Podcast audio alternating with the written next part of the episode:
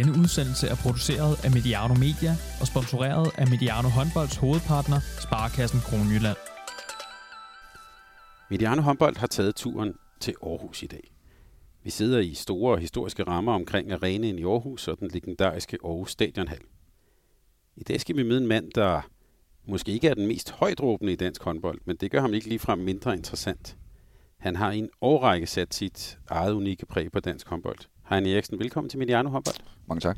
Og tak fordi vi måtte komme, komme og besøge dig her i Aarhus. I er altid velkommen. Vi sidder jo dagen efter en, en kamp, det skal vi også lige høre lidt om. Øhm, men vi skal høre meget mere. Vi skal høre om din opvækst med håndbold i, øh, i Thy, om dit arbejde som ligatræner, om Aarhus United og den igangværende sæson.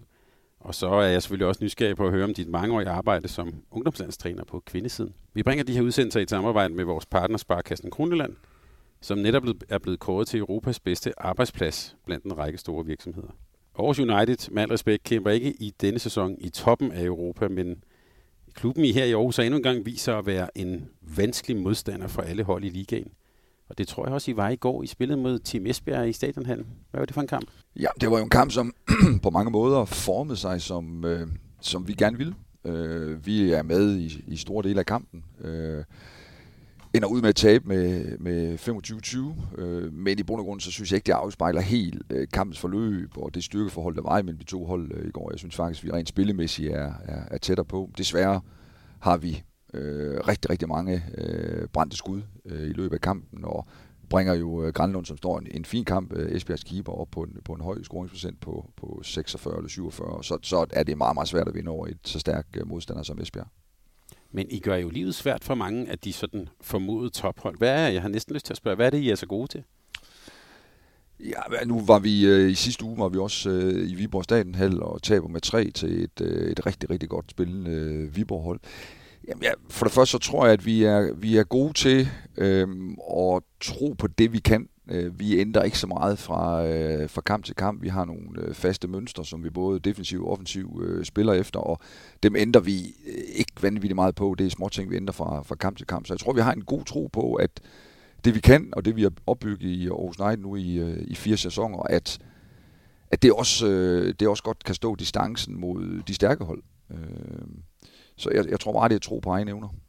Før sæsonen, der øh, var TV2 spændt Nygaard. Øh, han lavede sådan en, øh, en forudsigelse for, hvordan det ville gå, og, og den var jeg lige at tjekke. Der, der, stod, der var der faktisk en overskrift, der stod, er nedturen begyndt for Aarhus United? Mm.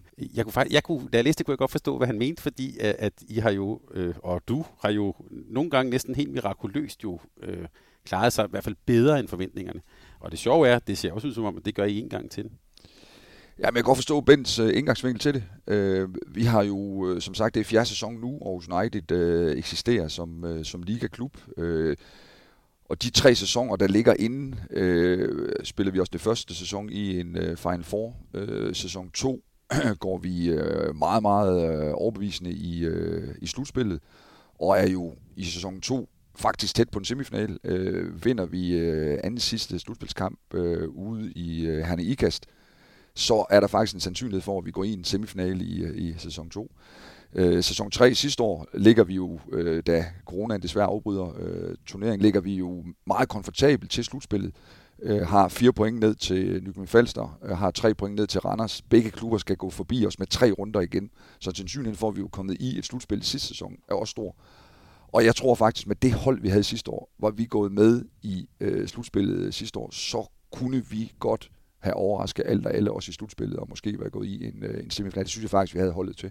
Så jeg forstår godt Benson tanke på, at nu har vi igen afgivet rigtig mange dygtige øh, spillere til andre øh, større klubber, og kan man gøre det igen i, øh, i Aarhus? Og jeg har også selv haft min øh, tvivl, også fordi vi var vi var meget, meget dårligt spillende i opstarten øh, op til sæsonen. Øh, så bliver jeg jo næsten nødt til at rose dig lidt, Heine, fordi det, du fortæller her, og det kan enhver se med deres blotte øjne, det kan jo ikke være en tilfældighed. Så hvad er det, du gør? Jamen, jeg ved ikke, om jeg gør noget specielt. Jeg tror ikke, jeg afviger mig så meget fra, fra alle mulige andre trænere. Jeg synes, at der har været nogle folk omkring klubben, som har forsøgt at skabe en rigtig, rigtig god stemning omkring det her øh, kvindehold.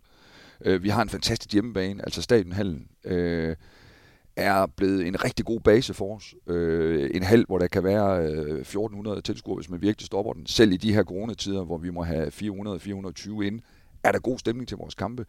Og når vi har de her lidt større kampe tidligere, hvor vi jo øh, røg op omkring øh, fuld hus, så var der en fantastisk stemning derinde. Og der var en, en, en tro på, altså mange gange, humlepublikummet er jo lidt nogen, som der, der skal meget til at få dem i gang og hisse dem op. Jeg synes virkelig, vi har fået et øh, publikum i Aarhus, og et ungt publikum, et meget ungt publikum, øh, som, som virkelig, virkelig har været med til at lave nogle øh, fede kampe, stemninger i øh, Aarhus Dagen, og det har båret os langt. Og så har vi fået mange unge, sultne spillere hele tiden ind i projektet, som har som har været langt fra deres, øh, deres slutmål, og som bare har lagt øh, på hele tiden, og som har været meget ambitiøse, både træningsmæssigt, men også øh, resultatmæssigt. Så jeg synes, der har været nogle ydre omstændigheder omkring mig, som har været med til også at skubbe det her øh, projekt. Og det her med håndbold som, øh, eller Aarhus, undskyld, Aarhus som en håndboldby, og øh, også om de unge spillere, det skal vi snakke om lige om lidt. Men lige før vi tager fat på det, helt op i, i helikopteren, hvordan ser du egentlig den danske liga i år? Altså, nogen taler om, at den er knækket lidt tidligt og sådan. Hvordan, hvordan ser du det for jer? I ligger jo sådan et, et pænt pænt midterhold. Hvordan ser du ligaen? Ja, vi ligger jo øh, vi ligger 6 eller 7 efter kampen i går, men øh, 9 kampe, 9 point. Jamen, jeg, jeg, jeg har også en, øh, en tro på, at, øh, at ligaen knækker over. Jeg havde måske inden sæsonen en, en tro på, at ligaen ville knække over i tre. En øh, tydelig top, en tydelig midte og en øh, tydelig bund. Og den tendens ser faktisk ud til at, at holde, at den, den, den knækker i, øh, i, tre, øh, i tre områder. Og øh, jeg, jeg synes virkelig, der er nogle stærke øh, hold i toppen af ligaen, og det synes jeg også, vi ser på de øh, europæiske resultater, som, øh, som bliver øh, lavet af de danske hold i øjeblikket. Viborg ikke engang kommet i gang endnu med at spille øh, europæisk, og skal nok øh, måske gå hele vejen. Øh, så jeg synes virkelig, det er en stærk liga, og jeg synes virkelig, der er nogle stærke øh, hold i, øh, i toppen. Jeg synes, der er en god bredde øh, i midten, og så kan vi altid diskutere, om bunden er stærk nok til, at, øh, at ligaen skal være på 14 hold, men det er en anden diskussion. Og den kan jeg måske lige have øh, som en godt pose til sidst, når vi skal tale talentudvikling. Din optakt og indgang til, til sæsonen her har jo været usædvanligt. Dels fortæller du om, at I har jo mistet en, en masse spillere, der er kommet nye spillere til. Og så kom hele corona oveni. Mm. Hvordan greb du det an? Ja, det var svært. Altså, vi har jo en historik i Aarhus, som hedder, at vi, af, vi afgiver altid spillere. Nu, øh, nu sidder vi øh, her i, øh, på kontoret i Aarhus Night, og hvis man, man kigger rundt, det ved jeg godt, at, at det kan lytteren selvfølgelig ikke, men der er jo billeder af rigtig, rigtig mange øh, unge danske talenter, som har været med omkring det. Jeg kan sige, jeg kigger på Helena Elver her, Cecilie Lundby blandt andet. Ja, øh, Flag og Julie på top i den, Simone Pedersen. Altså, der, er, der er rigtig mange øh, spillere, Anne Kamajer, som, som har været med og været store roller på, øh, på et, et, et ungdomsnald, som, hvor mange af dem jo ikke er øh, hos os længere. Vi har vendet os til, at vi hver år skulle bygge op øh, igen, så det var ikke så, så nyt for os. Øh, det, der for var nyt for os, ligesom alle mulige andre, det var den her øh, corona, hvor vi ikke rigtig vidste, øh, kom vi i gang, og kom vi ikke i gang, og hvordan fik vi øh, grebet det an. Men vi valgte sådan at have en indgangsvinkel til det, at vi måtte tage en dag i gang, og så måtte vi se, i hvilken retning øh, det her det bevæger bevægede os, og vi forberedte os hele tiden med øje, at, øh, at turneringen startede på det tidspunkt, som, som den var sat til at starte. Øh, så vi havde faktisk en, en, en opstart, synes jeg, som ikke afviser meget fra, hvis der ikke havde været øh, det her corona. Nu nævner du det her med unge spillere, måske også nogen, der er sultne, eller som ikke har nået deres topniveau mm. endnu. Jeg gætter på, som træner, og man kunne næsten sige som coach og leder her også, så kræver det vel, at du har en del samtaler med de her spillere. Hvordan gør man så det, når man ikke kan mødes hver? Ja, men det havde jeg jo faktisk heller ikke så meget på det tidspunkt, fordi der var jeg jo også hjem, øh, hjem, altså hele opstarten, øh, indtil vi sådan for alvor kommer i gang, var jeg jo også øh, hjemsendt på den her lønkommission. Jeg havde en enkelt arbejdsdag øh, om ugen, øh, så det var meget, meget begrænset, hvad kontakt man som træner kunne have med sine spillere i, øh, i den periode. Det foregik øh, på telefon øh, den dag, hvor jeg var på, på job, eller øh, hvor vi, øh, vi mødtes med, med god afstand og havde nogle, øh, nogle samtaler.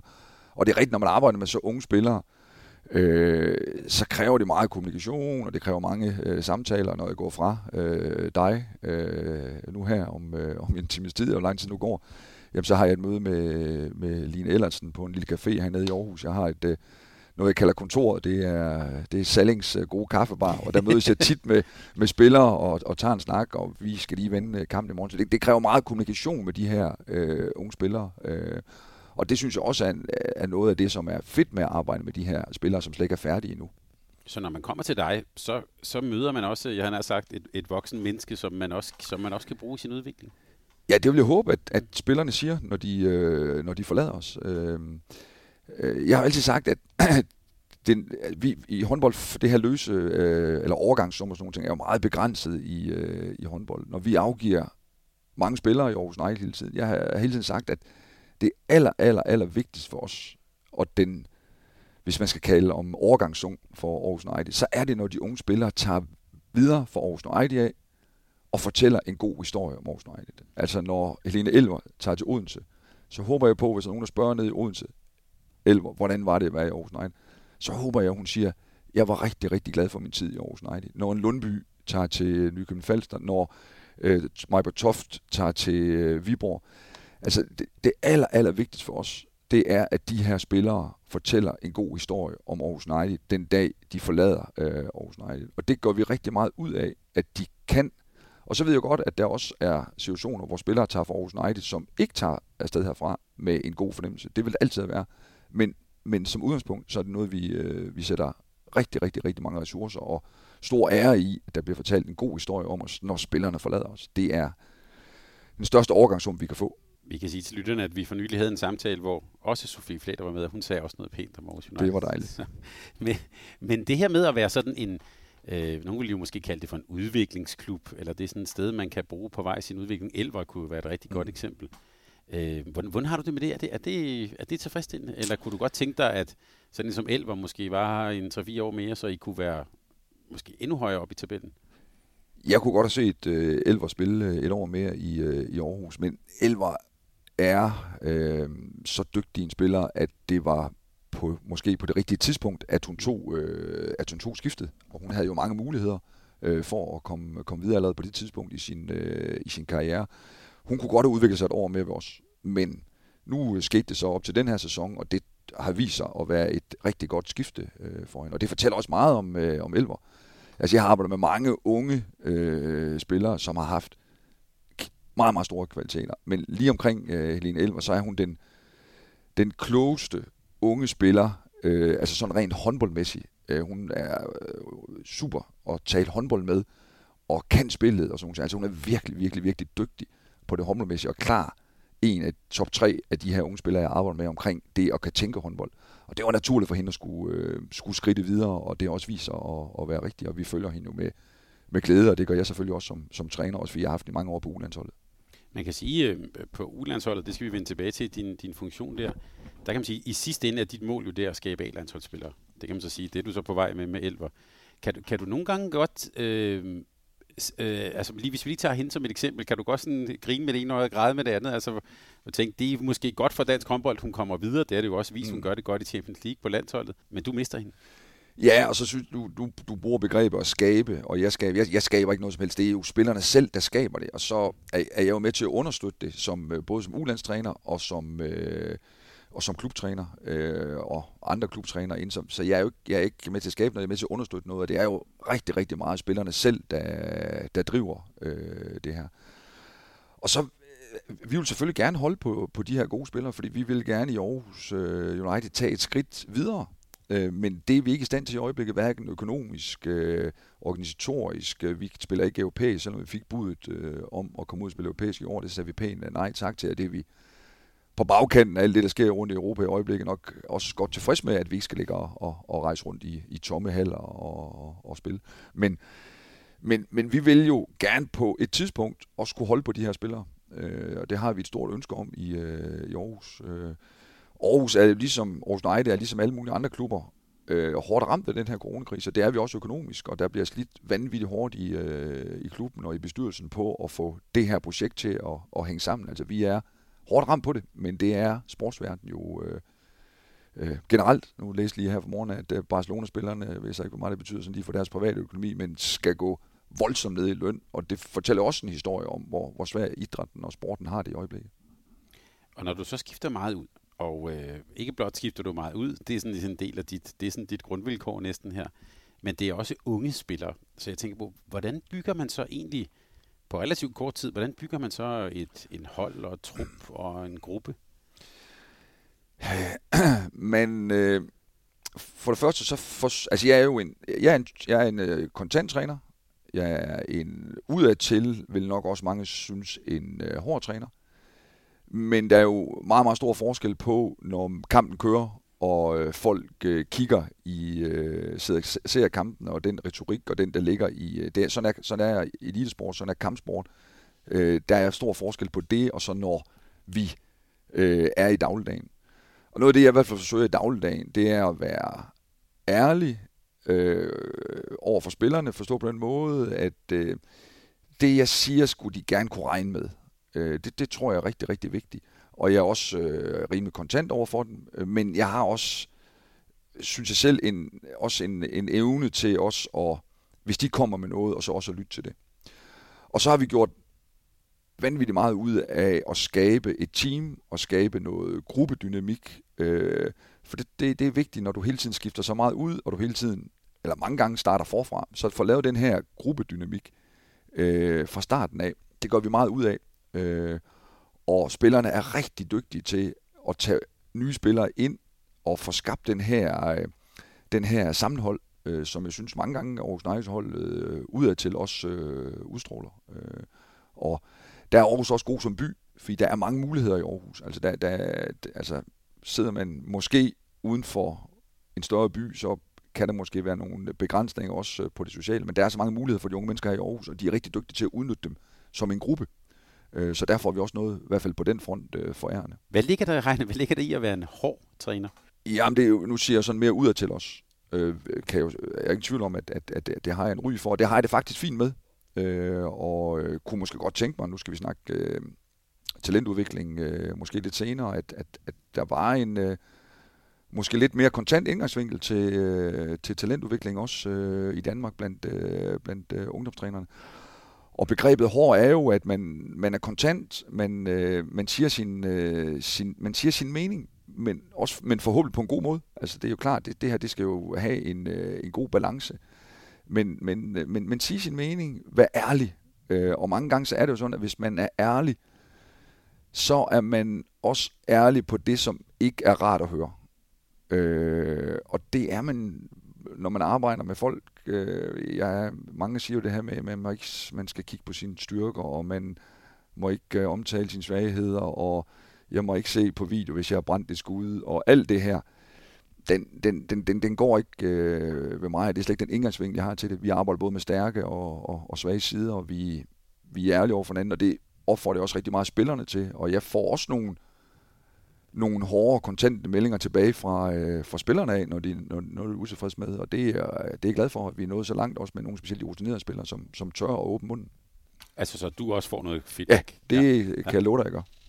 Hvis, lad os så lige prøve at lave, ikke fordi vi skal lave rollespil men, men lad os nu bare sige, øh, du, øh, du sidder med computeren foran dig, du skal se kampen fra i går igennem. Mm. Øh, jeg er din venstre fløj, og jeg har måske øh, haft en kamp, hvor jeg har øh, to, øh, to mål på seks afslutninger, mm. øh, og måske har øh, også gjort nogle ting, som var ikke helt det, vi aftalte. Mm. Hvordan vil du så gribe det an? Det kommer an på, hvad forløb vi er inde i, og hvad forløb spilleren er, er inde i. Altså, det er klart, at spilleren inde i et dårligt forløb, så får man ikke billeder at spille ud af det ved at pumpe spilleren med alt det, der ikke lykkes. Så har man en anden indgangsvinkel til det, så forsøger man at hjælpe spilleren videre, men forsøger at se på også nogle af de positive ting. Og så er der nogle, nogle, så er der nogle perioder, hvor det bare kører for en spiller.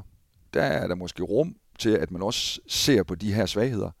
Fordi der har spillerne mange gange overskud til at arbejde med sine svagheder, når det kører godt på rigtig mange andre fronter. Så det handler jo også meget om, hvor er holdet henne, det gør det også, når vi leverer vores kampe. Øh, leverer, leverer vi en rigtig, rigtig god præcision, så er der måske også lidt mere luft til at se på nogle af de ting, der ikke fungerer. Er vi i en periode, hvor tingene ikke fungerer, så har man altså... så, så det handler rigtig, rigtig meget situationsbestemt, og det mener jeg jo, coaching og arbejde med unge mennesker er jo meget det her situationsbestemt. Øh, og det vil det også være, øh, når vi skal evaluere dig nu her senere. Ja, det, jeg frygter lidt for det, kan jeg godt, kan jeg godt røbe. Men, men Heine, jeg synes, det, det er en interessant pointe. Altså, så du er det unge spiller. Øh, nogen taler jo om sådan... Øh, øh, sådan nogle begreber som generation Z, og at mm. det er måske nogen, der kommer med stort øh, stor selvtillid, men knap så stort selvværd. Mm. Og så møder de så, hvis jeg skal karikere lidt, en, en mand som dig, som går til dem og er kontant. Hvordan er det møde? Ja, der er jo stor forskel på selvværd og selvtillid. Ja. Øh, meget stor forskel. Øh, selvtilliden er, er jo nem at, at, at udstråle, og det er nem at se udad til os, og man har den Øh, selvværd er jo noget, der ligger et helt andet sted, og som jo kan være skjult, og som kan være og som træner være, være, være vanskelig at finde ud af, hvordan, øh, hvordan ligger det her selvværd. Det finder man måske kun ud af ved at, at snakke meget med spilleren og høre ind til noget, som måske ikke har så meget med håndbolden øh, at gøre. Så, så det er igen det her meget, øh, altså hvad, hvad, hvad er indgangsvinkel, hvor er vi henne, øh, og hvor godt kender vi hinanden. Jeg synes selvtilliden øh, er nemmere at få øje på, mm. og hvor, hvor, hvor vedkommende ligger hen frem for, for selvværd, som jo også ligger uden for banen. Men er det nogle skrøbelige unge mennesker, du møder? I, øh, både og. Mm. Øh, jeg synes, jeg møder i, i øh, gennem mit arbejde med, med ulandshold, og også med de unge spillere øh, her i, øh, i Aarhus, nogle, nogle stærke piger. Nogle piger, som ved, hvad de vil. Øh, men jeg synes også, at jeg nu møder flere piger, som er meget usikre i vores talentsystem end jeg gjorde for, øh, for 10 år siden. Øh, hvor det var sjældent, at, øh, at de var så skrøbelige, som mange af dem er øh, i dag. Altså, vi har jo et re- reelt... Øh, altså, der, der, der er mange, der for eksempel har svært ved at overnatte ude. Øh, det møder vi faktisk i vores talentsystem. Mange piger, som har, har svært ved at have de her overnatninger øh, ude øh, i starten af vores øh, forløb. Dem forsøger vi jo at hjælpe, og der er Dansk Håndbold, synes jeg, er rigtig, rigtig dygtig til at pakke de piger ind og der er lavet mange øh, tiltag, øh, også igennem øh, Morten Henriksen, som jo er, er, er sportschef i, øh, i Dansk Håndboldbund, som laver et, og nu er det ikke fordi, at jeg er ansat under, men han laver et, et super stykke arbejde og får sat mange ting i gang, også omkring det, hvor man forsøger at hjælpe dem. Men jeg synes, jeg møder flere skrøbelige piger nu, end jeg gjorde for 10 år siden.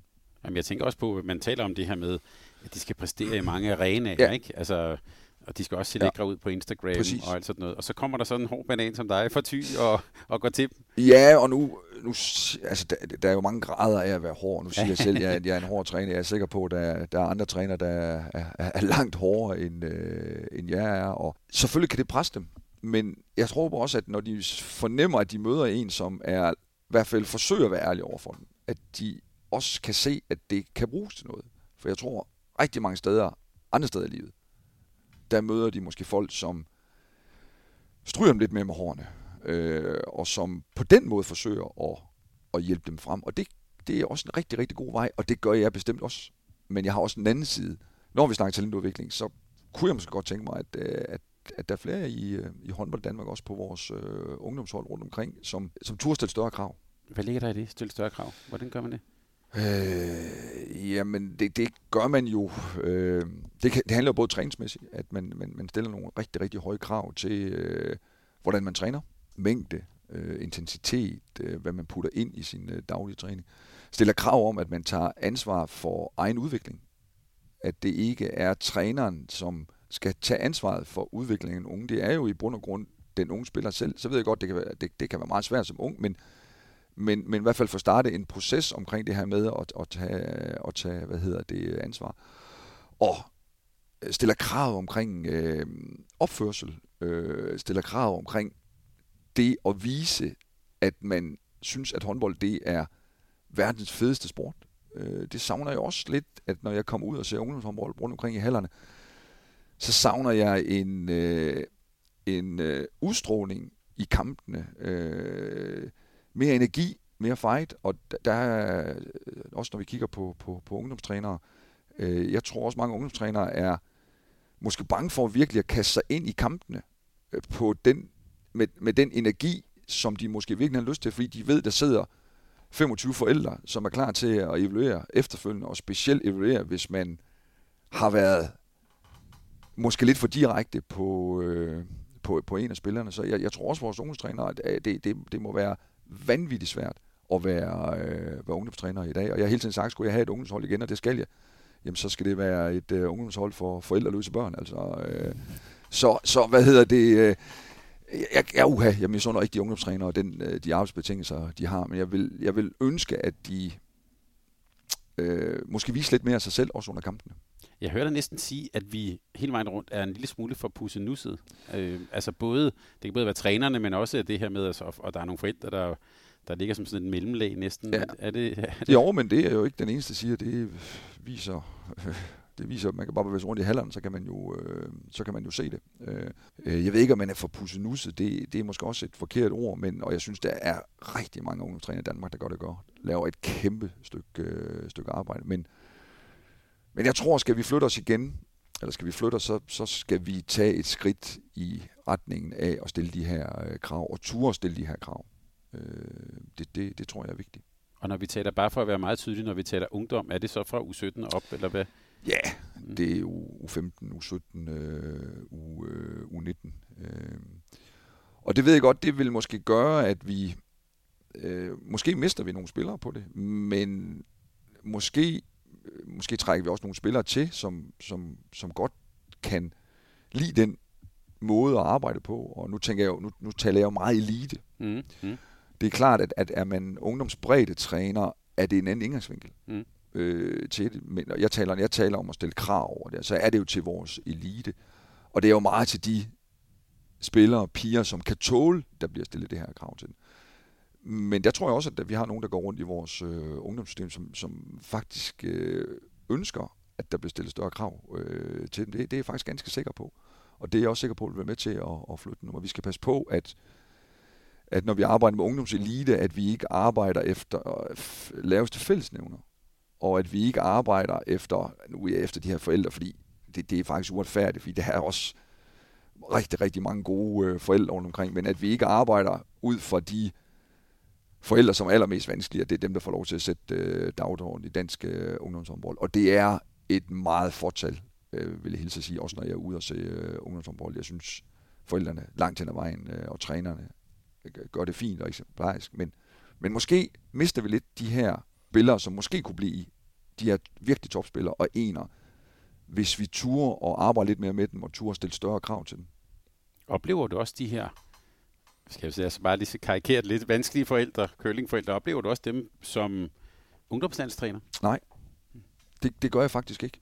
Øh, og der er jeg jo formentlig meget, meget privilegeret. Jeg er ikke i tvivl om, når vi er til en slutrunde, der bliver vi øh, fuldt af, heldigvis, af mange forældre. Det er helt fantastisk at være utræner og være afsted til, en, øh, til et mesterskab.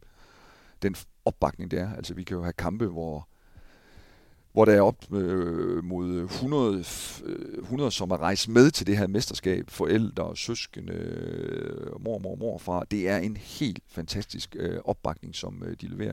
Og så ved jeg da også godt, at når de så sidder på hotellet om aftenen og får en øh, øl, så er der også øh, rigtig mange forældretræner der imellem, som diskuterer, hvorfor gjorde vi det, og hvorfor gik vi ikke op i 5-1, og uha, og ham Heine Eriksen der. Men, men, men jeg oplever det ikke på, på, øh, på samme måde. Øh, og det kan en alene jo være bare på grund af min alder og min erfaring, at, øh, øh, at jeg ikke gør det. Det her med at stille krav. Jeg tænker også, øh, her for nylig havde vi en, en samtale med Lars Møller, som jo er udviklingskonsulent her i, her i Østjylland. Ja. Og der talte vi om det der begreb kampen. Mm. Altså, fordi nu skal ungdomskampene begynde jo nu her. Ja. Øhm, og vi taler også om det her med, at man jo har fjernet i DRF-systemet fjernet øh, det officielle øh, DM i U15, mm. så det nu er øh, kun i, U, øh, i U, U17 og i U19.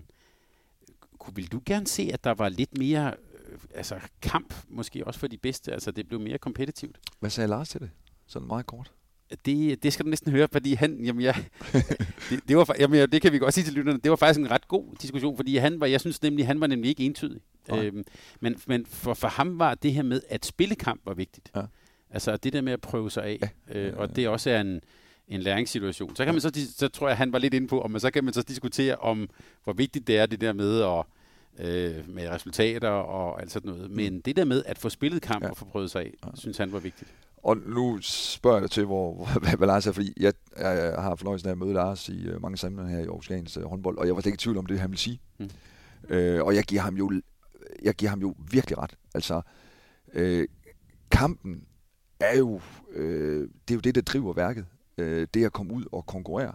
Uh, og der har været en, en tendens, som jeg selvfølgelig også selv har været lidt uh, fortaler for igennem uh, ungdomshåndbold i mange år, at træning var næsten vigtigere end kamp, og man skulle træne så og så meget, inden man måtte spille en kamp. Og, men jeg tror også, vi skal passe på ikke at gå i den anden retning. Uh, nu har vi haft en, uh, den her coronakrise, som desværre ikke er stoppet endnu. Det, det, der er jo ungdomsspillere, som på 6 måneder, 7 måneder ikke har spillet en kamp. Øh, så jeg har sådan lidt nu her, lad os nu slippe dem løs. Øh, lad dem komme i gang med at spille nogle kampe. Øh, om de spiller to kampe om ugen i øjeblikket. Og så, altså, lad dem komme i gang. Lad dem komme ud og få det her fællesskab med andre. Se nogle andre. Se, at håndbolden lever igen. Øh, kom ud og få de her oplevelser af at kæmpe om point. Øh, kæmpe om sejre. På, selvfølgelig på en god måde, men langt hen ad vejen er jeg fuldstændig enig. Altså, der skal spilles kampe, og Øh, den ene dag omkring det her med, om der skal spilles på 15 øh, DM, eller ikke skal spilles på 15 DM, på den ene dag, så står jeg på højre ben, den anden dag, så står jeg på venstre. Jeg har også rigtig, rigtig svært ved at, at finde ud af, om det er en god idé eller ikke en god idé. Det skal jeg være ærlig at sige. Så må du lige tage os ind i maskinrummet. Hvad, hvad, hvad kunne tale for imod? Det er ikke at spille øh, et, øh, for eksempel et U15 DM. Det, det, det handler jo ikke så meget om de hold, der deltager i U15 DM. Det må jo handle om alle dem, der ikke får lov til at deltage i et uh, U15 DM, og dem, der bliver valgt fra undervejs på, øh, på, på, på resultat, og det der med at kåre en vinder og sådan nogle ting, det, må, det, det, det, det er jo det, der rent forskningsmæssigt jo siger, kan ligge nogle begrænsninger i, i forhold til udvikling, mm. og måske i forhold til frafald også og sådan noget. Men spørgsmålet er, om når man kigger også på andre øh, idrætsgrene, som vi jo sammenligner os med, og når man kigger ud i Europa, hvordan de griber talentudvikling an derude, så er der i hvert fald mange steder, at de griber talentudvikling an meget anderledes, end vi gør i, i Danmark. Og jeg siger ikke, at vi gør det forkert. Jeg siger bare, at vi skal være, van, vi skal være meget, meget sikre på, at det vi gør er rigtigt, hvis vi går en anden vej, end man gør i mange andre store håndboldnationer øh, rundt omkring i, øh, i verden og i, øh, og i Europa. På herresiden har vi jo haft øh, tilbage øh, den tidligere øh, ansvarlige, Claus Hansen, har jo lavet for nogle år siden en undersøgelse, hvor han så tog, øh, det var så på herresiden, nogen der havde, øh, drenge, der havde vundet U14 DM, og så prøvede han så at finde ud af, hvor mange af dem blev til noget, defineret som første division øh, mm. ligaspillere. Og det var jo rystende få, som, som, som tog hele den vej fra U14 og op. Jeg kunne godt have en hypotese om, at det faktisk er anderledes på kvindesiden. Nu sidder vi og kigger på Elver. Jeg ved, hun også var dygtig, da hun var 12. Ja. Øhm, er der forskel, tror du? Ja, det tror jeg bestemt der. Og det tror jeg, det er, fordi øh, piger og kvinders karriere er meget kort i forhold til herrerne. Altså, vi pigerne spiller jo typisk måske til de er 7, 8, 29, måske 30.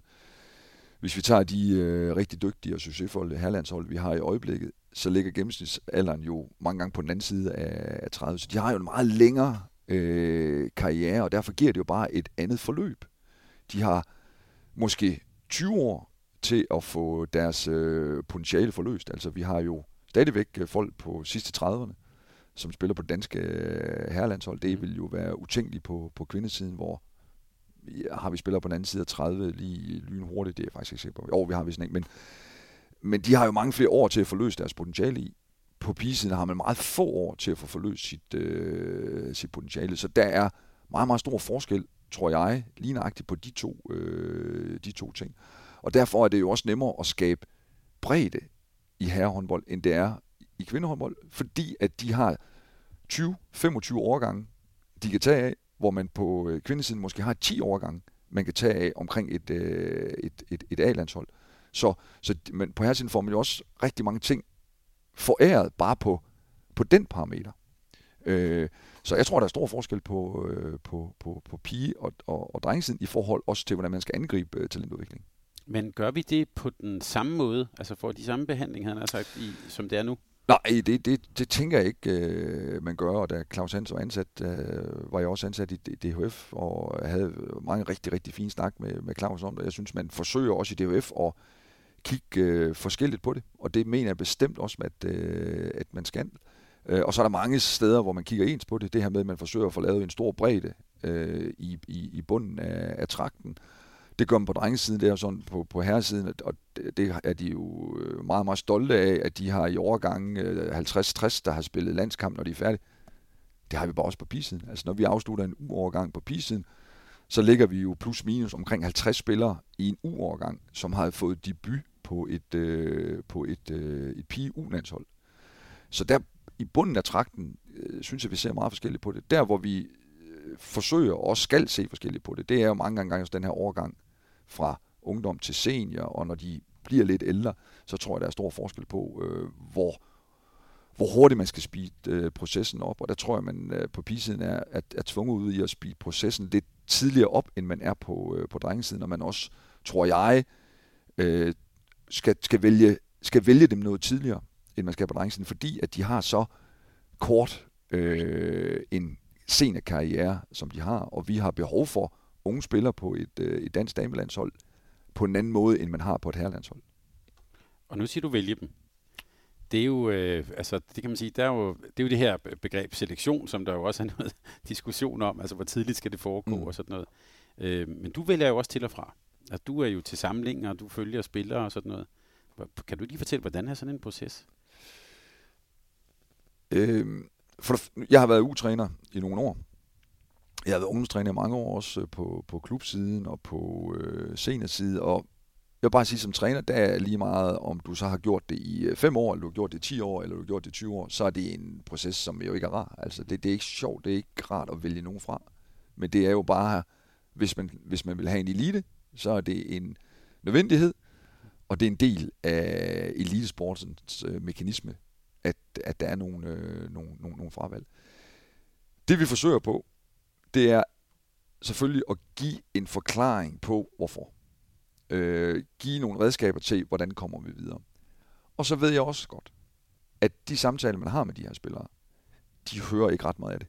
Mm. Altså, det, det, det, det, det, og det skal jeg være ærlig at sige, og der kunne både jeg og DHF øh, også være, være bedre på, på, på den del, men en spiller, som får at vide, at man ikke skal være med for eksempel til en slutrunde, men har været med som blandt de 18 sidste, som eksempel, men øh, kommer ikke lige igennem nåløje til det her slutrunde, får til en samling i en, øh, i en samtale, at vide, at man skal ikke med til et mesterskab. Altså, ja, ja, vi ved jo godt, at spilleren ikke hører ret meget af det, man siger, siger til vedkommende. Så derfor er det også en god idé selvfølgelig det her med at få fat i klubtræneren og, og, og, og få talt med den her klubtræner og sige, jamen, det, det er de her ting, som vi har set ud fra. Og så må jeg også bare sige, øh, det, det, det kan også være vanvittigt svært at komme med en, en forklaring. Fordi nogle gange så er det jo også en fornemmelse og en følelse og mm. noget, som man måske virkelig heller ikke selv sådan helt er 100% øh, sådan fuldstændig skrab på, at det er det, det gør. Det kan også være en fornemmelse, og det kan også være nogle andre ting, som øh, man kigger på, og specielt hvis man kigger på en lidt lang bane. Og det er jo svært at sige til nogle spillere, prøv at du er ikke med til det her mesterskab, fordi på den lange bane, der tror jeg faktisk mere på den anden. Mm. Det, det, det, det kan de ikke bruge til noget. Så de vil rigtig gerne have den her meget konkrete, jamen dit afsæt skal være bedre, og du skal løbe hurtigere, og ja, så mange begreber er det ikke inden for håndbold, at man kan begynde med at variere det. du skal score den mere. så, ja, du skal score noget mere, lige nøjagtigt, altså, ja.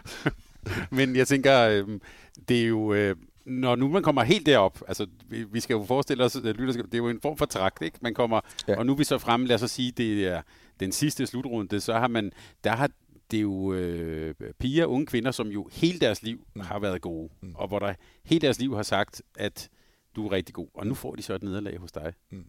Hvad, hvad, hvad, hvad sker der med dem? Jamen, de går jo forskellige veje. Altså, nogen...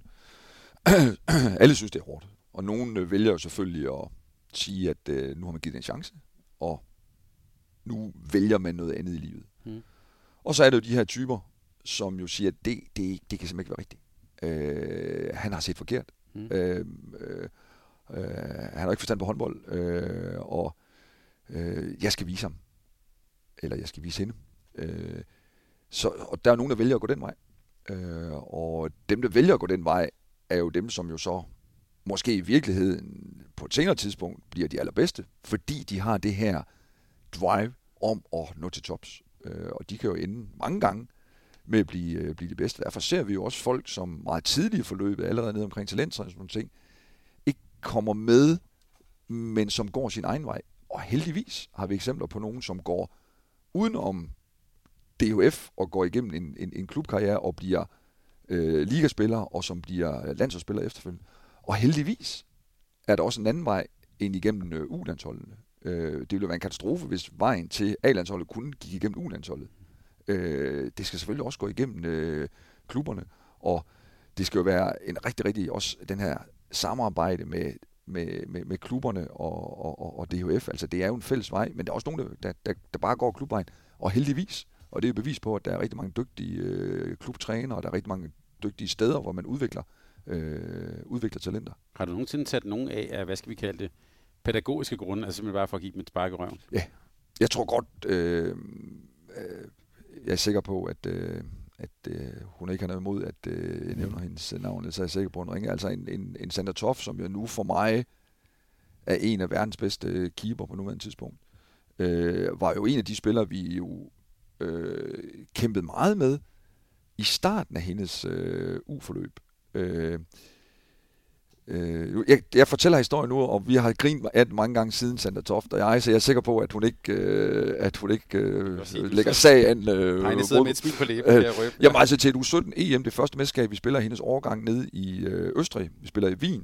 Øh, spiller os øh, faktisk frem til en øh, semifinal, hvor vi øh, skal møde øh, Rumænien med på det tidspunkt en vanvittigt dygtig Niago, 17 år øh, på det tidspunkt der. Og top, vi har tre keeper med det ned, og Toft havde ikke fået så meget spilletid i løbet af de første indledende runder og i øh, mellemrunden. Og vi havde tænkt, nu, nu, skulle, nu skulle Toft øh, bringes i spil. Vi har så haft en lille udfordring på Toft med det her med at spise maden undervejs. Det, og det er jo bare en stor del også af den her opdragelse, vi forsøger at give DF. Altså, du skal leve rigtigt, når du er sammen med os. Du skal have din søvn, du skal have din mad og sådan noget. ting. Og vi havde en samtale med, med Toft, hvor vi siger, Toft, øh, prøv du skal stå i morgen den her semifinal.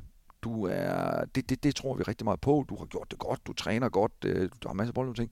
Vi skal lige nu her op til den her semifinal, du har problemer med maden, og jeg skal være ærlig og forsvare Toft og sige, maden var ikke fantastisk, øh, der hvor det hotel, vi boede på.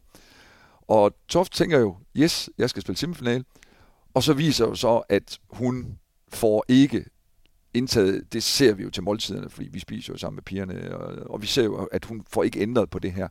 Og der måtte vi jo så, lige inden den her semifinal, sige til top, top vi to, vi havde en aftale om, at det her, det skulle være i orden, hvis du skulle præstere. Du kommer ikke til at spille den her semifinal øh, alligevel. Og der sætter vi hende jo af op til en af hendes på det tidspunkt allerstørste kampe at spille en, en semifinal mod, øh, mod Niago. Toffer er så en af dem, der går en anden vej. Hun går ikke stadigvæk igennem DHF-systemet, men, men tager jo bare skeen i en anden hånd, og er jo, da vi spiller et U19-EM, og da, øh, og da vi spiller et, øh, året efter spiller vi et VM i Canada, vi spiller et U19 EM, vi spiller et U20 VM, og til det U20 VM er Toft outstanding, og allerede på det tidspunkt der, øh, en af, af, af verdens bedste øh, U-keeper, helt i øh, toppen, og har jo bare taget skridtet øh, nu her, og er jo sindssygt seriøs i dag, og arbejder jo virkelig med, med tingene. Men det er jo en fortælling om en ung spiller, øh, og vi Toft meget snakke den der Finn Holger, Mm. Øh, og vi har sådan joket øh, tit efterfølgende, Toft mig, fordi hun optog rigtig mange kampe på video til det der mesterskab. Så det var sådan lidt find Toft, og der stod Toft jo bag ved øh, videokamera og optog de andre øh, spil. Men det er jo bare en fortælling om en spiller, som gennemgår en udvikling, og som jo i dag på rigtig mange, også personligt, jo er, øh, er et, et, et sted, som gør hende til, til den her fantastiske både person og, og målvogter, som hun er i dag. Hvem er det så, Heine, der, hvem er det, der bliver til noget? Det kan jeg ikke sige dig. Øh, og jeg ved godt, at man rigtig gerne vil sætte det her talentudvikling i en formel. Øh, at det er de her, der bliver sådan noget. Det kan vi ikke. Men vi kan have en fornemmelse af det. Vi kan måle på nogle fysiske parametre. Øh, og vi kan selvfølgelig også, når de kommer et stykke hen i, øh, i forløbet, øh, også lave nogle test omkring det mentale og, og, og andre ting, som man kan fortælle, i hvad retning det kan, kan gå. Men vi kan, ikke, vi kan ikke sige, hvem det bliver til noget. Men vi kan have en formodning om det. Det er klart, at desto flere gange man har stået i situationen, situation, hvor man skal se, om der er noget talent eller ikke er noget talent, så øjet bliver måske også, har jeg et håb om i hvert fald, bedre og bedre til at se det. Øh, men i bund og grund kan man jo ikke sige noget om det, men man kan have nogle målinger, både fysiske og også mentale og ved samtaler, som man kan sige, det er den vej, det kan gå. Har der været nogen, hvor du, hvor sådan, øh, når du øh, ligger en, en stille stund hvor, i din seng og tænker, fandens også. Altså en, hvor, eller nogle stykker, hvor, hvor du tænkte, der var altså noget helt særligt, men hvor det ikke rigtig blev materialiseret? Øh, ja, men så har det måske mere været fordi, at, at vedkommende er blevet sat ud af spillet på andre måder, altså på skader. Mm. Øh, fordi der har selvfølgelig været rigtig mange store talenter øh, undervejs. Øh, en, øh, en spiller som Signe Sjølund, øh, Roskilde Pige, øh, var inde omkring København, var jo øh, måske øh, et af de største talenter, som øh, jeg har mødt øh, som, øh, som uspiller, men på grund af, af, af, af desværre nogle skader, blev det aldrig forløst, det, øh, det talent, som, øh, som hun havde. Så jeg synes meget, det har været nogle ydre omstændigheder, som har gjort, at det, øh, det aldrig sådan øh, rigtig er blevet sådan noget. Øh, og ellers jeg tænker jeg, jeg er svært ved at, at, at komme med sådan konkrete eksempler lige, mens øh, jeg sidder her. Men jeg har mange gode eksempler på det andet, hvor jeg har tænkt også som 17-årig, det er, det bliver aldrig sådan noget. Og så på en eller, anden, en eller anden måde alligevel, så har der været et eller andet, som har gjort, at man har tænkt, men, men, men det skal have et forsøg. Og så er det alligevel, øh, så er det alligevel lykkes. Øh, og der er jo heldigvis spillere, som, som også går ud. Altså en Karin Mortensen er jo gået uden om et øh, Karin Mortensen, øh, som lidt ældre lytter i hvert fald kan huske, som øh, på det tidspunkt også øh, verdens bedste øh, keeper, er jo en, en, en spiller, der er gået udenom et, øh, et U-forløb og kommet ind på et, øh, et U-landshold, eller undskyld, et, øh, et A-landshold, og jeg har fornøjelsen af at træne hende i 7-8 år, øh, både som ungdomsspiller, øh, også i, øh, i klubregi. Øh. Og da jeg møder Karl Mortensen første gang, er på sportskolles op i Skive, hvor der kommer en øh, pige fra Henrup i Aarhus af, som træner en gang om ugen, og som rækker hånden op og siger, jeg vil faktisk gerne øh, stå på mål, og så... Øh, og jeg tænker, det, det, det, jeg, da jeg ser Karin Mortensen, og jeg ser de første halvårs træning så tænker jeg, det her, det, det bliver nok aldrig mere end, øh, en serie 2. Men på en eller anden måde, så havde Karin Morgensen en vanvittig vinderinstinkt. Og det var det, der ligesom sådan triggede mig lidt omkring det, og sige, det her, det, det, det, det skal vi prøve at udvikle på. Og når hun tog konkurrencen op med de her drenge på det her sportskollege, de fik jo klø i alt. Det var ikke, hun var i god form. Det var hun ikke, da hun ankom. Det blev hun så senere, var virkelig veltrænet øh, undervejs i sin karriere. Men, men hun havde det her fuldstændig vanvittige vinderinstinkt. Og jeg har altid sagt, at jeg vil aldrig fejre jul med Karin Mortensen. Fordi når vi skal rundt, jeg ved med, når man skal rundt om juletræet med Karin Morten, så bliver det ikke for at hygge sig, så bliver det for, hvem der kommer først rundt om det her juletræ. Hun simpelthen på det tidspunkt, der forsøger at overhale alle rundt om det her øh, juletræ. Så et vinderinstinkt øh, havde hun, og det var det, der bar hende helt til toppen af, af, hendes, øh, af hendes karriere. Hvad kigger du på, hvis du er ude og se sådan en, en, en samling, altså nogle, der er nogle af de her sådan øh, unionssamlinger eller sådan noget? Kan, kan, kan man godt spotte det der? Kan du godt, hvad, altså, kan man godt sådan sætte de der briller på og sige, der er noget, der er noget, der er ikke så meget? Eller? Ja, det kan man godt.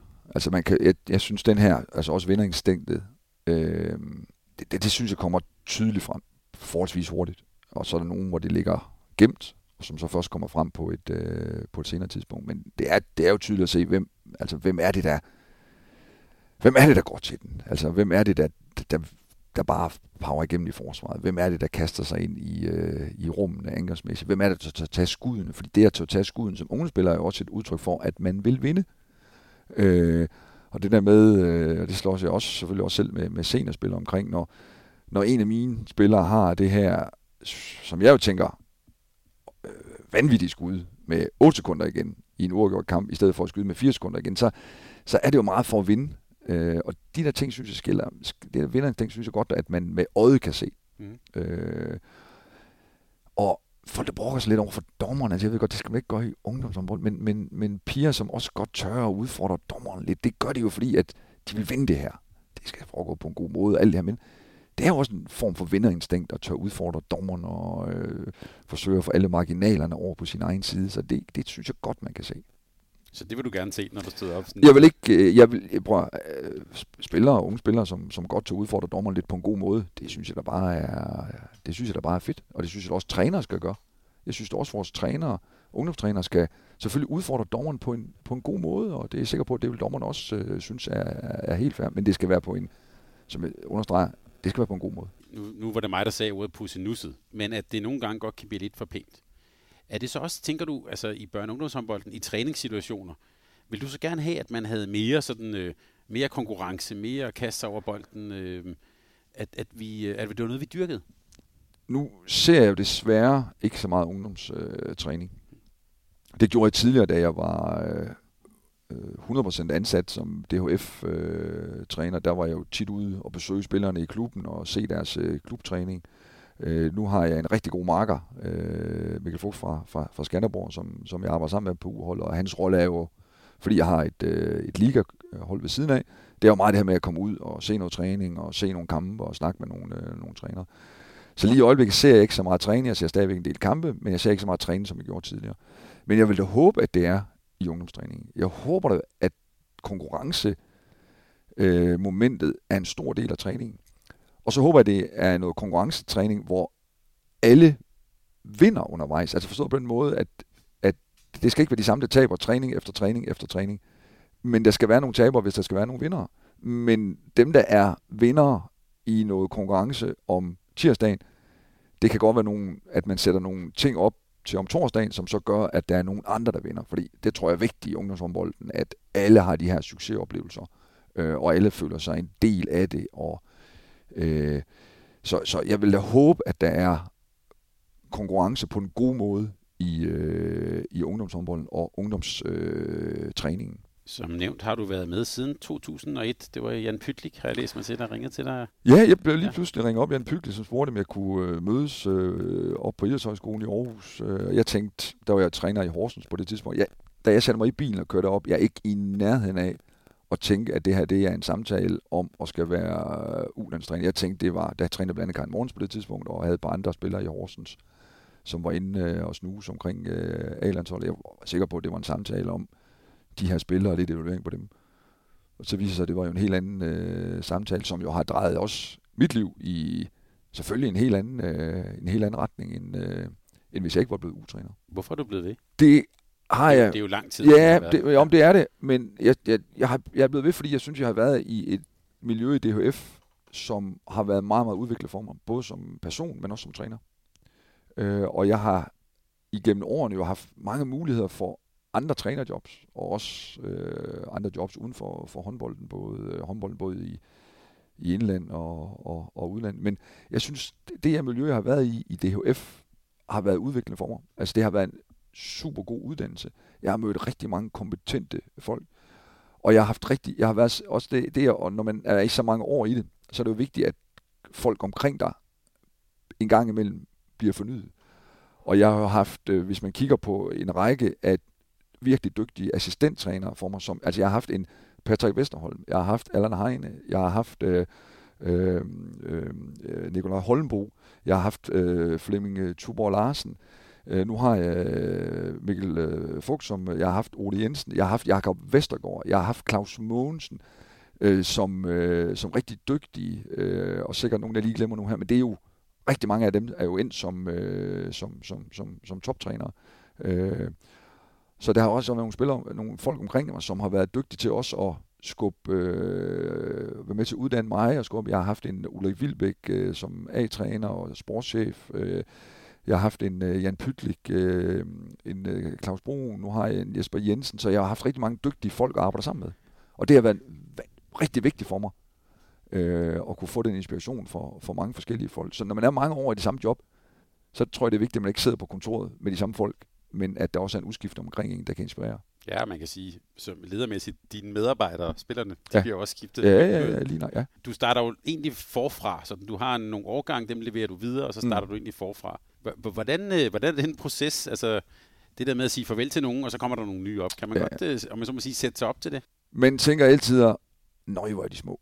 det gør man virkelig, når de møder op der med, øh, ja, med, øh, med 111 under næsen. Men, men de er ikke ret store, når de, øh, når de, øh, når de kommer ind øh, i vores... Øh, og der, der skal man jo virkelig sådan, øh, forsøge at skrue tiden tilbage, og så tænke, øh, at da man øh, afleverer en, øh, en Line Jørgensen, eller en Tranborg, eller en Havsted, eller hvem det nu er, hvor var de henne, da de kom ind? Det, det, det tror jeg er rigtig vigtigt, at man kan sætte sig derned, og det har jeg jo efterhånden skulle gøre nogle gange. Øh, og de første gange har man tænkt, puha, det her, det, øh, det kan godt blive svært, men så har det jo vist sig lynhurtigt, at det er lige så spændende, som da man arbejdede med den sidste årgang, og der er lige så meget talent, som der var sidste gang, man startede op, og man tænker, ah, det kan ikke godt være, at det faktisk er endnu bedre. Mm. Så det har også været en, øh, en, og så er det bare, det er jo bare fedt at møde de her unge piger, øh, også som jo mange gange har nogle unge trænere, som er drevet af det her håndbold, og som gerne vil, øh, vil drive det til noget, og det er jo med til os at inspirere en, en, en gammel mand som mig efterhånden. Men i gamle dage så, øh, mm. der var det jo sådan, at der var jo et, et Y-landshold og mm. et U-landshold. Mm. Og der var der en Y-landstræner og en U-landstræner. Nu følger I jo mere i højere grad overgangene. Hvorfor egentlig det? Jamen det er der nogle fordele, er der nogle Fordelen er jo, at man får et, man får et rigtig godt kendskab til en enkelt spiller. Det er jo i et U-forløb, er man jo mange gange, øh, har man spiller mange gange i fem år. For man starter op, til man øh, runder dem af, eller slutter dem af, sætter dem videre som øh, U20-spiller. I det forløb på de fem år, der øh, er man jo den gennemgående træner, hvor de jo mange gange i de fem år, seks år, hvis de kommer med tidligt, har tre, fire, fem forskellige klubtrænere. Så man bliver lidt sådan en gennemgående figur. Og jeg har altid sagt, at man jo faktisk mange gange kender sine øh, U-spillere bedre, end man kender sin, øh, sin, sin, sin øh, hvad hedder, spillere i klubben. Og det er jo fordi, man er så intens øh, sammen med de her unge mennesker i, en, i et tidspunkt af deres liv, hvor der bare sker rigtig meget. Og de bedste samtaler, man har med de her unge spillere, det er jo ikke de samtaler, man aftaler, at nu skal vi mødes og øh, lige snakke om et eller andet. Nej, det er, når man sidder i et fly på vej til øh, Rumænien eller til Bulgarien, og man, og man er den stakkels spiller, det er jo altid sådan, når, man, når, når vi skal flyve med de, specielt de første årgange, så kan man godt se, at de her øh, spillere, de står virkelig og kigger på billetten, og så håber de bare, at man ikke har fået et nummer ved siden af, af træneren. Fordi så skal man snakke om alt muligt og sådan der. Men jeg fornemmer, at når man kommer lidt senere hen i forløbet, så synes jeg, det er okay at sidde sammen med en af lederne, fordi så kommer man til at snakke om mange andre ting. Og det er jo mange gange de her samtaler i fly, eller når vi sidder fem timer i en lufthavn og venter, og man tilfældigvis kommer til, hvor man kommer til at snakke om rigtig, rigtig mange andre ting, som har noget med håndbold at gøre, men som også har noget med alt muligt andet at gøre. Og jeg elsker at udfordre de her unge piger på politik og på historie, og ikke fordi jeg ved specielt meget om det, men jeg ved måske lige så meget som dem i hvert fald. Så jeg kan godt udfordre dem bare en lille smule på det. Det elsker jeg, når man sidder så et fly og kan... Hvor, vi er på vej til Rumænien. Hvad, hvad er det for et land? De aner jo mange gange engang, hvad retning de ligger om. Øh, så det er, altså, det, det, det hvad, hvis du må stemme nu, hvad vil du så stemme? Øh, puha, kan man tænke, øh, det bliver en lang flytur, kan man se, de tænker, men, men det er, det, det, øh, det er meget skægt, og, øh, og det er mange gange der, man også kommer tæt på, øh, på spillerne. Nu forstår jeg ved, det er med flybillet.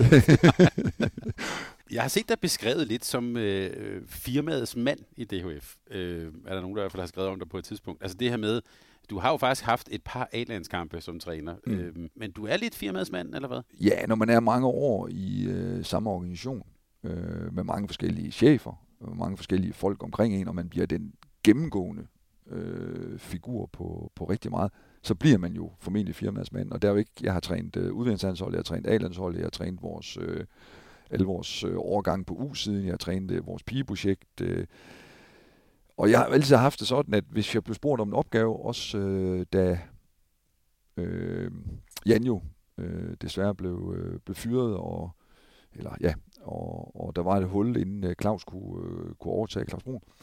Øh, og jeg blev spurgt, om jeg ville have overtage A-landsholdet i, i, i den periode, og var med i Frankrig og spille en, øh, en, en, en fantastisk turnering dernede, en stor oplevelse øh, for mig og for mange af de unge spillere, der var med dernede. Så siger jeg selvfølgelig ja til det. Når jeg blev spurgt, om jeg ville træne et, øh, med i et pigeprojekt for spillere på 14 år, så sagde jeg selvfølgelig ja til det. Altså, så det, jeg har altid taget de opgaver, som man har givet mig i, øh, i DHF, og, og det tror jeg også er vigtigt, at der er nogen, der, der gør det, og er på en eller anden måde en, en, en sammenhængende kraft øh, og tager de opgaver, som, øh, som ligger. Og jeg er ikke for stor til at, at træne øh, til at træne U14 eller U13 eller U15 i, øh, i DHF. Og når jeg siger for stor, så er det min, min erfaring, jeg tænker og nogle ting. Og får jeg en kæmpe udfordring som at træne øh, A-landsholdet, som jeg gjorde på det tidspunkt der, så øh, er jeg meget stolt af at få øh, budet og siger selvfølgelig ja til det. Nu var der jo noget debat, da Jesper Jensen blev landstræner, om det her med at være både at være klubtræner og så samtidig også være landstræner. Det kan man sige, det er du jo egentlig også nu. Ja. Hvad, hvad tænker du om hele den sådan, debat? Øh, jeg tænkte, at man uh, tog den for tidligt i forhold til Jesper. Øh, jeg, jeg synes, det var en debat, som kom lidt ud af ingenting, og hvor jeg tror, nogle af de folk, som udtalte sig om det på det tidspunkt, øh, måske ikke helt havde set, øh, at den sag skulle blive så stor. Øh, det er mit umiddelbare indtryk, uden jeg ved det. Fordi selvfølgelig skulle man, øh, skal, skal man afvente lidt og se, hvordan det her det øh, kommer til at forløbe, og så man har et grundlag til at tage øh, en helt konkret debat omkring Jesper og Esbjerg, som det jo også blev lidt. Og mm. hvad nu, hvis den ene spiller der? Sådan ting. Man kan godt tage en debat om det sådan i al almindelighed, om det er en god idé, men ikke sådan så, så konkret, som jeg synes, den, øh, den blev lidt omkring øh, det ansættelsen af Jesper. Indtil videre har det jo vist sig at være en, en rigtig, rigtig god øh, løsning. Men man er måske heller ikke nået hen til de her situationer endnu, som kan give noget, noget, noget uro. Nu kan man sige, som ulandstræner, du skal jo selvfølgelig også præstere til slutrunderne, men, men er, det, gør det også, er det også noget, der gør dig skarpere? At, at øh, altså, når du skal til en U-slutrunde, at du er, har den der kamp? Ja, selvfølgelig er det det. Øh, selvom jeg jo som U-træner, specielt på det, de overgange, hvor jeg trænede to uhold, der havde jeg jo øh, flere kampe end klubtræner. Altså jeg havde jo, øh, når jeg havde U-hold, når jeg havde begge to, og de spiller omkring... Øh, ja, de spiller jo omkring øh, 20 land, 20 med mesterskab og alt muligt. spiller de omkring 20 kampe og sådan nogle ting. Så jeg nåede mange gange øh, både 40 og 50 øh, kampe på en øh, sæson som U-træner. Øh, og så er det klart, at der er forskel på at stå i en U-kamp, hvor man jo kun til mesterskaberne spiller rent taktisk øh, for at hive de her sejre hjem. Men der, der er helt sikkert nogle fordele, og jeg er ikke i tvivl om, at, at, at øh, Jesper er øh, skarpere, når det her øh, slutrunde til, øh, til december skal afvikles, fordi han, er, han er klubtræner i Esbjerg. Det er jeg ikke sekund i tvivl om. Apropos kampe, Heine, er det vigtigt at vinde øh, U-medaljer til Danmark? Ja, det synes jeg det er. Hvorfor? Fordi at øh, det at vinde er også en måde at udvikle vinder på. Så det synes jeg, det er. Og jeg øh, synes, at når man spiller et uh, U-mesterskab, så skal man spille det 80% øh, for at vinde det her U-mesterskab, og så skal man spille det 20% for os at bruge det her mesterskab til at udvikle. Og det er jo så lille en del af året, at man spiller det der. Når man så er i den anden del af et øh, landsholdsår, så er det selvfølgelig omvendt.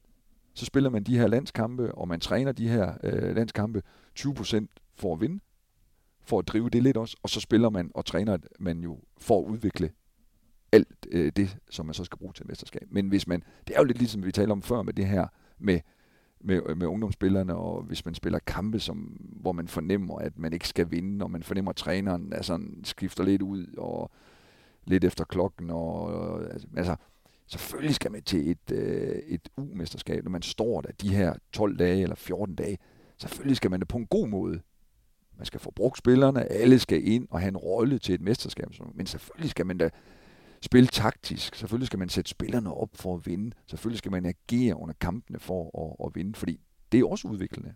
Og det skal spillerne også øh, kunne lære. Og der, hvor de kan lære det, hvis de skal kunne bruge det på et A-landshold, det er jo også gennem U-turneringer. Og, og, og, og leve rigtigt. Altså, hvordan lever man rigtig 14 dage på et hotel i forhold til at kan præstere? Øh, og der optimerer vi jo også i forhold til at kan præstere i kampene, og for at kan vinde i, øh, i kampene. Hvordan spiser du? Hvordan sover du? Hvordan øh, bruger du din fritid? Øh, hvordan forbereder du til kampene? For der har vi jo nogle fantastiske muligheder, når vi er sted til et umiddelskab, fordi vi lever i den her boble, øh, hvor vi jo reelt er, er, er, er sammen med, med spillerne 24-7. Du kender overgangene, og der, der er sådan en lidt, en, øh, ikke en myte, men det kan du lige hjælpe mig med her. Fordi nogle gange så hører man jo det her med, hvis du nu sammenligner os med Norge, mm. så kan du godt se nogle år, hvor der er øh, sådan øh, U17, U19, et eller andet, hvor, hvor Norge så bliver Danmark nummer 1 eller 2, og Norge bliver nummer 17. Mm. Og så pludselig, når de så er 24 år, de der norske piger, så er det altså dem, der er trædet ind og er mm. dygtige på et A-landshold. Mm. Er det rigtigt? Jamen, det er, jo, øh, det er jo en myte, fordi hvis du går ind og kigger på, øh, hvad hedder det, øh, medaljehøst på ugesiden, jamen, så ligger vi i toppen, men Norge, Rusland, Sverige, Danmark, andre nationer, ligger lige så højt, som, øh, som vi gør øh, på, øh, på medaljesiden. Og ja, ja, vi har i, i folkemunde, i håndbold, så har vi jo vundet vanvittigt mange medaljer på U-siden. Så mange medaljer, har vi faktisk heller ikke vundet. Altså, hvor mange øh, U20-mesterskaber har vi vundet øh, igennem de sidste 20 år. Øh, der har været rigtig mange mesterskaber, hvor vi ikke har vundet øh, medaljer. Så vi har ikke vundet flere medaljer, end man har i Norge. Og vi har også haft årgang, som er blevet nummer 9, 10, 11, 12 til, øh, til, til mesterskaber. Der afspejler vi os hverken fra Norge, Sverige, Rusland, Rumænien, Frankrig, Ungarn. Der ligger vi, hvis man kigger på medaljehøsten, så ligger vi jo meget, meget, meget øh, lige. Og må man sige, hvis man kigger på Norge, og det er jo igen, og det er jo sådan, som, som U-træner, bare lige for at slå en sløjf, eller fordi at kom lidt nu man kan aldrig lykkes. Det er det job, man ikke kan lykkes i, fordi hvis man vinder, så udtager man kun spillerne, fordi at man øh, vil øh, vinde de her mesterskaber. Hvis man så har nogle af de her overgange, som taber, så udtager man øh, de øh, forkerte spillere, fordi de vinder ikke. Så det, det er, u- og ikke, ikke for at pive, men det er sådan lidt et job, som er rigtig, rigtig svært at lykkes i i, øh, i håndbold Danmark. Som klubtræner, der kan du bare vinde, så lykkes du. Men det har tit været den her... Den men jeg vil lige sige omkring, lige omkring, du er inde ja. på Norge. Noget af det, som for eksempel den kæmpe succes, som Norge har i øjeblikket, er jo bundet op omkring en uovergang i Norge, som vandt rigtig, rigtig, rigtig mange medaljer. Og jeg skal hilse at sige, at når vi er sammen med nordmændene til mesterskab, så spiller de 100% for at vinde det her øh, mesterskab, og det gør de andre nationer også. Og vores øh, indgangsvinkel til det er jo meget lige Norge også i, øh, i dagligdagen. Det var præcis det, jeg ville spørge dig om, for jeg tænker nemlig nogle gange på, om debatten Danmark-Norge er faktisk er lidt forvreden, fordi at øh, nordmændene har så, og det sker jo nogle gange, de har altså nogle helt særlige årgange, mm. åbenbart. Altså Veronica Christiansens øh, mm. årgang, sådan, ja. som jo er... Nordmørk. Ja, øh, ja. Som er helt særlig. Så det kan mm. godt være, at er vores blik måske lidt forvredet af, eller lidt sådan forvirret af, at der er, jamen tillykke med det, I har en sindssyg, nogle sindssygt gode årgange der. Mm. Det har vi også haft i dansk håndbold. Ja, øh, og det er også nogle af dem, som har været med til at bære, øh, øh, bære os frem til, altså vi ligger jo i toppen af, af, af, af, af håndbolden, også øh, på kvindesiden. Altså øh, vi ligger jo lige nu i den her top 8, øh, så kan det være, at vi er nummer 4. Vi, lige nu og vi i nogle år ikke været i stand til at træde op på medaljeskammen. Og noget af det, der ærger mig allermest, det var, den, vi havde en årgang 88-89 med en øh, Line Jørgensen, med en øh, Mulle, med en øh, Lærke Møller, øh, med en Sander Toff, som vi talte om øh, før. Vi havde jo en årgang, som var outstanding. Både på det spillemæssige, på kompetencer. Øh, det var en årgang, vi i Danmark fik alt for lidt ud af. Øh, havde vi fået mere ud lige nok den overgang, det kunne virkelig have skudt øh, det i gang, ligesom nordmændene får rigtig, rigtig meget ud af, af en af deres øh, overgange. så, så den er den her Norge-Danmark-debat. Øh, der, hvor nordmænd er bedre, end vi er i Danmark, det er overgangen fra ungdom til senior. Og der har de formået at kan noget, som vi ikke kan. Men nogen putter også rigtig, rigtig mange ressourcer i det. De har mange flere penge at arbejde med, end vi har. I Norge er der jo spillere på det norske udviklingslandshold, som har spillet flere kampe end vores A-landsholdsspillere. Fordi hver gang deres A-landshold spiller, så spiller deres øh, udviklingslandshold også. Og vores øh, U-landshold, Norge og Danmark, de er jo meget, meget jævne hele vejen igennem. Så vinder Danmark, så vinder Norge, når vi møder hinanden. Altså. Og så er de gode til at tage skridtet. Øh, og Norge vinder lige så mange medaljer på U-siden, som, øh, som Danmark gør. Og så har de jo den fordel, altså de er jo meget mere samlet omkring deres, øh, deres landshold. Altså når vi har 50 dage i Danmark, så har de jo på U-siden 75 dage i, i Norge. Og det betyder jo en uovergang i Norge Lad os sige, at det er 20-25 dage mere om året, de er samlet. Det er 125 dage, hvis man siger, at det er en femårig forløb. De har været i forbundet. Øh, så har de, efterfølgende har de et udviklingsanhold, hvor de så måske lægger 200 dage på. Så, så, så et forløb for en norsk spiller er meget, meget mere i forbundet, og der er mange flere dage i det, end vi har mulighed ressourcemæssigt i, øh, i Danmark. Hvordan ser du øh, nu har du været med i nogle år jo på, på usen, hvordan ser du den internationale konkurrence? Frankrig er, har vel også en stor satsning? Jamen, den er skærpet mm. øh, igennem de sidste 10 år helt vildt på, på kvindesiden, og håndbolden øh, udvikler sig rigtig, rigtig meget rundt i øh, de europæiske lande, også på, øh, på kvindesiden, og det, den er virkelig, virkelig taget nogle skridt. Øh, og der bliver puttet mange penge i øh, talentudvikling i andre nationer. Øh, og der har vi i Danmark, man gør alt, hvad man overhovedet kan i øh, DHF og i klubberne for at følge med også omkring talentudvikling. Men talentudvikling er også bundet rigtig meget op på økonomi. Og når man ser, hvad der bliver puttet i, i, i fransk øh, pigehold med ungdom, øh, Rumænien, øh, Ungarn, øh, Rusland, øh, center i Holland, øh, Tyskland putter mange Altså, der bliver puttet mange ressourcer i. Norge putter mange ressourcer i det. Og, øh, og det er klart, det, det gør jo bare konkurrencen heldigvis endnu større. Og det er jo fedt, at der er nationer, der rører så meget på det, og det kan jeg jo bare se, når jeg kommer rundt, og hvordan de her ting udvikler sig. Sidder du er lidt, øh, hvad skal vi sige, lidt nervøs? Nej, det er jeg ikke. Øh, for jeg tror stadig på, at vi kommer til at stå øh, rigtig stærkt. Men det er klart, når konkurrencen bliver så hård, som den bliver, og hvis man kigger i toppen, også europæisk håndbold nu her, så er der jo faktisk rigtig mange medaljevinder til A-slutrunder. Øh, og det synes jeg ikke er fordi, at niveauet er faldet. Tværtimod, så er det fordi, jeg synes, niveauet er steget rigtig meget på, øh, på, på toppen af international øh, kvindehåndbold. Øh, så konkurrencen er hård, og jeg, men jeg ser ikke med nervøsitet på det, men jeg kigger på det som om, at vi skal også være klar i Danmark til at tage det næste skridt. Og et af de næste skridt er noget, du har været ude med, som handler lidt om, man kan sige, vores struktur i ungdomshåndbolden. Øh, du har været lidt fortæller for, at vi har fået de her skæve overgange, det vi også taler om mm. på Mediano håndbold, at man måske skulle have en landstækkende U19-række. Mm. Fortæl lidt mere om det. Hvad, hvad, hvad, hvorfor siger du det? jo, men den, den hænger jo lidt sammen med det, som jeg talte om før, om at stille større krav. Altså får man en landsdækkende U19-række, det er ikke sikkert, at det skal være i morgen. Det er heller ikke sikkert, at det skal være næste sæson. Men jeg mener, at man skal arbejde frem imod det. Og det tror jeg også på, at man på en øh, rigtig god måde kan få lavet, også øh, økonomisk. Og øh, så kan man stille større krav. Fordi at med den her dækkende øh, U19-række, kunne det være oplagt, at der også var en eller anden licensordning. Så man kan stille nogle krav til de klubber, som arbejder med vores de største talenter. Man kan stille nogle krav til spillerne, også om, at skal man være med som spiller i de her landstækkende, øh, en landstækkende, for eksempel U19-række. Øh, så det handler også om at kunne stille større krav til de folk og de spillere og de klubledere, som så har en, øh, et, et, et hold øh, på absolut øh, topniveau. Det handler ikke kun om, om dagligdagen, det handler også om opsætning til kampe.